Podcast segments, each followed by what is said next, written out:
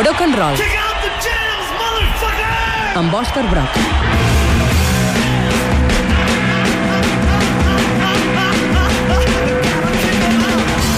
Aquest estiu hem parlat de dues sèries i molt. N'hem parlat a via xarxes socials tots perquè eh, no us enganyarem. Eh, tota la gent que aquí ens reunim eh, treballant, després durant l'estiu no ens suportem i només ens dirigim la paraula via Twitter o Facebook. És eh, la forma de, de relacionar-se ara mateix eh, Exacte. amb les persones que t'envolten a l'entorn laboral. És a dir, no parlar amb elles, No veure-les. no veure-les i només comunicar-te amb elles per coses que no hagis de veure-les. En efectiu. En, en efectiu no, en, efectivament. Evitar el contacte físic. En efectiu també. Sí. Escolta, avui eh, parlem d'una sèrie que ho ha patat aquest estiu. Una de les dues. Una és Stranger Things, l'altra és The Get Down.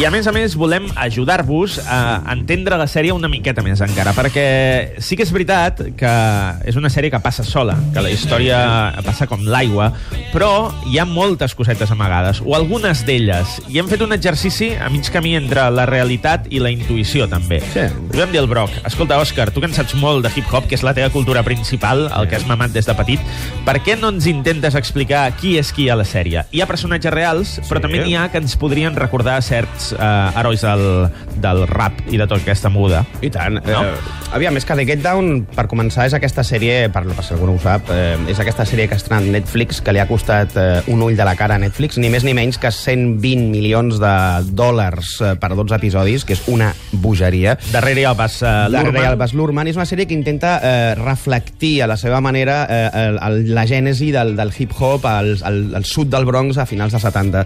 I en lloc de fer-ho d'una forma documental rigorosa, estil The Wire, que és el que molta gent s'esperava, Sí. el que ha fet ha estat fer un musical encobert amb, amb, amb, amb el naixement del hip-hop i de la cultura hip-hop com a excusa. És com un Moulin Rouge amb flow, eh? És un Moulin Rouge amb flow, és excessiva, és barroca, té coses fins i tot que, que voregen l'horterada, no? Sí. però com a bon musical que és, eh, és un espectacle que jo crec que val la pena, val la pena gaudir sense prejudicis. Si tu entres sense prejudicis, crec, crec que és una sèrie que et donarà molts beneficis. I és una sèrie, com tu dius, que tot i no tenir un rigor, histori, i un rigor històric impecable, uh -huh. sí que és cert que, que es recolza en certs personatges fonamentals de la cultura hip-hop eh, per donar una mica de, pues això, de, de veracitat a, a la història que està explicant. No?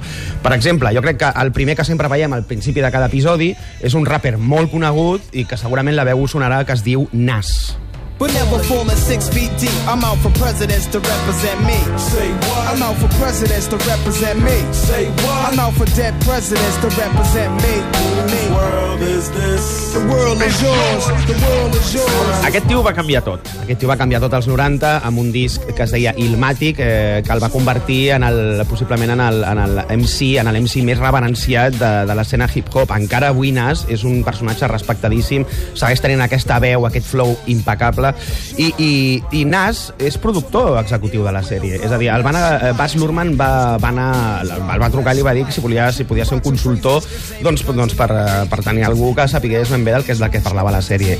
Nas li va agradar tant el projecte que no només eh, es, va immis, es, va, es va involucrar com a consultor, sinó que fins i tot va posar cançons, uh. -huh. i són aquestes cançons que escolteu al principi de, de cada episodi, en el qual es veu un, un rapper consolidat a l'època actual, amb un disjockey eh, cantant rap davant de milers de persones, que suposa que és el, el protagonista de la sèrie de gran, l'Ezequiel. Explicant la seva història Explicar la seva personal. història. I, de fet, eh, a la vida d'Ezequiel, segons ha dit Nas a diverses entrevistes, eh, hi ha moltes coses de la seva vida. O sigui, que Ezequiel es podria considerar una versió joveneta de Nas sense cap problema.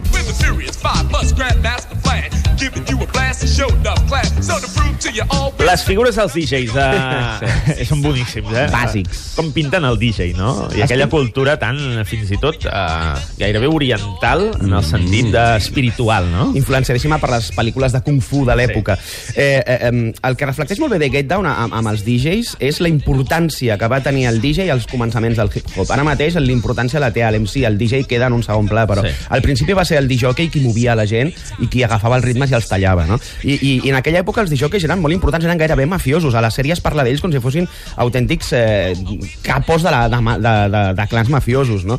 Eh, el més visible i el, i el que jo crec que té més gràcia sense dubte Grandmaster Flash, que per cert s'assembla molt Sí. a la sèrie, a la vida real, i Grandmaster Flash va, ser, va existir, existeix, està viu, és a dir, va ser un dels pioners del hip-hop, va dur la figura del DJ a un altre nivell amb una tècnica molt curiosa que consistia en tenir dos vinils eh, iguals a cada plat i anar agafant un, una, un segment d'un break punxar-lo en un plat I repetir-lo. i de mentre a l'altre preparar-lo perquè sortís al mateix break i tenia un break que durava 10-15 minuts seguits que era el mateix perquè la gent pogués ballar no? I és el que feia que la gent es tornés Sí, boja, en exacte, realitat. Aquell exacte. break, aquell, Aquell- aquell get down. ells agafaven, ells agafaven, per exemple, eh, vinils de funk i hi havia cançons de funk que eren cantades, però havia una, un segment instrumental en el qual eh, que durava 3, 4, 5, 6 segons i aquest segment instrumental era el que després allargaven i es convertia en la, en la música que, que ballaven. I que va això- popularitzar, a més a més, l'escratch, ell. Exacte, Grand no ho va Master- inventar ell, eh? No va inventar ell. Eh, el Grandmaster Flash, Grandmaster Flash tampoc va inventar aquesta tècnica de tallar els ritmes, eh? perquè la sèrie dona a entendre que va ser ell l'inventor. No, no ho és. Ara, ara veurem qui va ser aquest inventor, però ell sí que la va popularitzar i també va popularitzar aquesta tècnica que es diu Scratch que va inventar Grand Wizard Theodore i que en aquella època era molt, molt trencadora. Doncs és Grandmaster Flash, que amb els Furious 5 va establir, diguéssim, les bases del rap, però hi ha un altre personatge molt i molt important que sí que apareix. This is DJ Kool Herc, the father of hip Ja ho ha dit, el pare del hip-hop. Aquest sí que...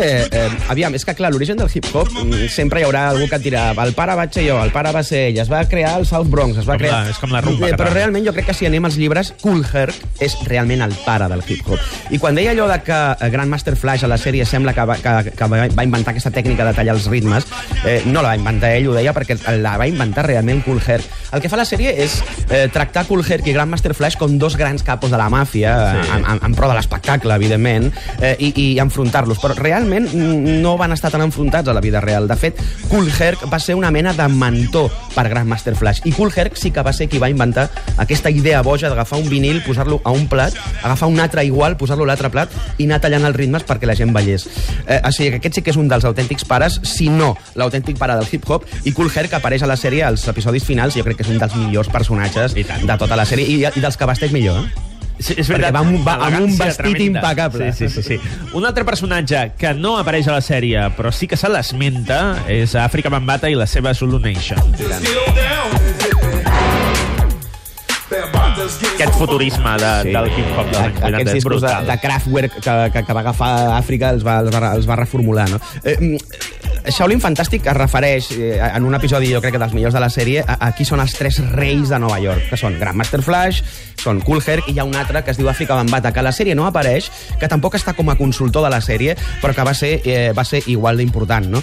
Eh, és molt possible que Bambata no hagi, no hagi tingut el protagonisme que hauria d'haver tingut a la sèrie, perquè eh, últimament ha estat protagonista d'un escàndol eh, bastant negre, Sí. en el qual ha estat acusat de- de- d'abusar de, de menors durant una època de la seva vida. I potser això és el que ha evitat que Bambata tingués més protagonista en aquesta sèrie, perquè si falta algú aquí és ell, no? Són els tres, els tres reis, els tres, eh, els tres pares de, del hip-hop. De totes maneres, Bambata eh, se l'esmenta moltes vegades. Sí, i a la Zulu Nation també, que és aquesta associació que va crear Exacte. Per eh, eliminar la violència. Una associació que va crear a finals dels 70 en els barris negres doncs, per, per organitzar esdeveniments culturals, reivindicar la cultura negra i que amb el temps va adquirir connotacions molt polítiques i Sí. molt afrocèntriques, eh, però que realment eh, va tenir molta importància. O sigui que Bambata, tot i que no aparegui, eh, està molt i molt present. Ara parlem de Harrison Guardiola, la protagonista, la noia, la que canta, i del segell pel qual fitxa, que també té una mm. clocada d'ulleta, I un segell real.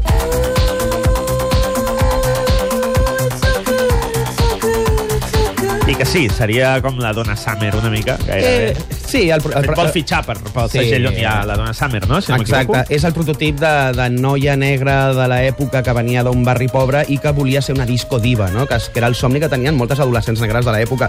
I això era gràcies a, una, a un segell discogràfic que es deia Casablanca Records, conegudíssim pels amants de la música disco i que a la sèrie està representat sota el nom de Marrakeix Records. Eh, si Fa gràcia, fa gràcia. Sí, fa gràcia, però és, és evidentment Casablanca Records, que és aquest segell que a finals dels 70 va tenir a divas com Donna Summer, que és el que estem escoltant, i que va canviar una mica el joc, no?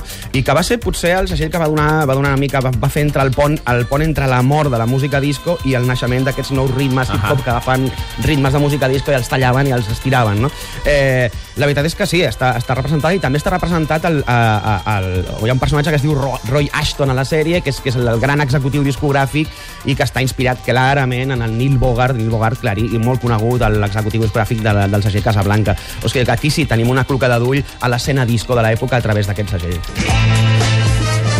I ens deixem les bandes, eh, perquè en, ens hi passaríem dies, però al Bronx, aquest territori eh, violent als 70, les bandes eh, s'hi repartien al territori i aquest fenomen cultural hi apareix, òbviament, Sí. aquí, amb baralles que no t'acabes de creure, amb capos que són una Exacte, mica sí. extrems, És però que està molt bé. Tot exagerat, però és aquest petit retrat, retrat històric en el qual es queden reflectides les bandes i també queda reflectit, per exemple, aquell, aquella gran apagada de llum que va haver-hi al 77 veritat. a Nova York, que també té una mica de punt històric. Hem acabat, Broc. Hem acabat amb tu. Avui, avui més que mai, Òscar Bronx. Oh, boníssim. Adéu, oients.